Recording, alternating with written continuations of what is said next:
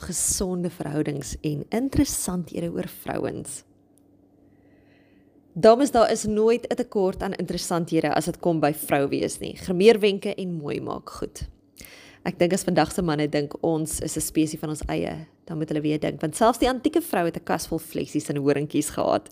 Het jy al vir Cleopatra 'n tweede kyk gegee of gewonder watter soort mascara Farao se dogter gebruik het? Wel, Ek het genavorsing doen en swart oogsalf of oogverf is verkry deur lood of antimoonertsfyntemal en dit dan in klein horingkies te stoor. Hulle het dit dan gebruik en dit was maar die gebruik was tweeledig. Nie net vir die beklemtoning en voorkoms vir die koppe sal laat draai nie, maar dan ook om vlee wat draers van 'n gevreesde oogsiekte was, dan nou weg te hou. Oeh.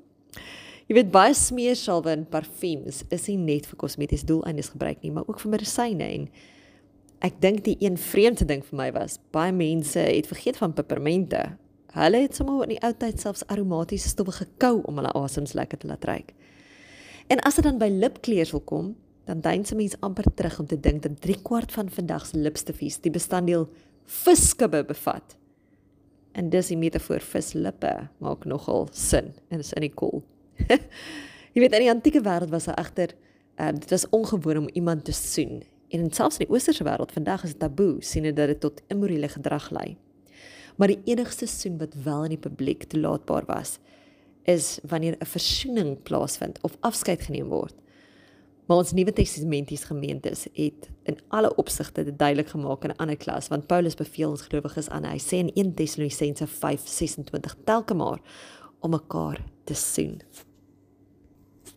Ek begin sommer vandag met 'n interessanthede want ek besef net ons as vrouens ons drome en ons begeertes van ons hart en die realiteit waarin ons woon is soms net die hemelsbreë verskil. Weet dan ons is uit harte uit van ware liefde geskep en ons het ontwerp vir iets roemryk en en eksoties, maar die moderne vrou vind haarself as deel van die meubels in 'n huis of net 'n toestel waarsonder die wêreld nie kan funksioneer nie. Maar ek dink baie keer net soos al hierdie flessies en horingkies is 'n vrou hierdie misterieuse wonder wat geniet moet word en nie 'n probleem om opgelos te word nie. Nie 'n vrou se skoonheid, haar natuurlike skoonheid dra. En as dit ander vroue kan uitnooi om haar ware self te wees en nie net om te beïndruk nie. Weet jy hoe powerful is dit? Ek glo in die teenwoordigheid van 'n ware man kom 'n ware vrou na vore wat haar vroulikheid uitstraal. En in die teenwoordigheid van 'n ware vrou kom 'n ware man na vore wat sy manlikheid geniet. Haar skoonheid wek die helder hom op. En sy manlikheid bring die versekering dat sy waardeer word net soos wat sy is. Dit apart is hulle goed, maar saam is hulle beter. Sonder om daarop te dring dat hulle mekaar benodig vir aanvaarding omdat hulle sekuriteit in iets meer as net mens wees lê. Nee nee nee, ons sekuriteit is in God. Ek dink die idee van 'n stereotipe verhouding deur die oë van die wêreld moet daagliks verbreek word want met die Here se hand in 'n man en 'n vrou se lewe en hulle verhouding of hulle huwelik is daar net 'n verskil. Net soos wat die die struik henna met haar sterk geur, haar smal liggroen blare en haar lang wit rosse blomme teen in die bors van die bruid so in die Bybel gedra is.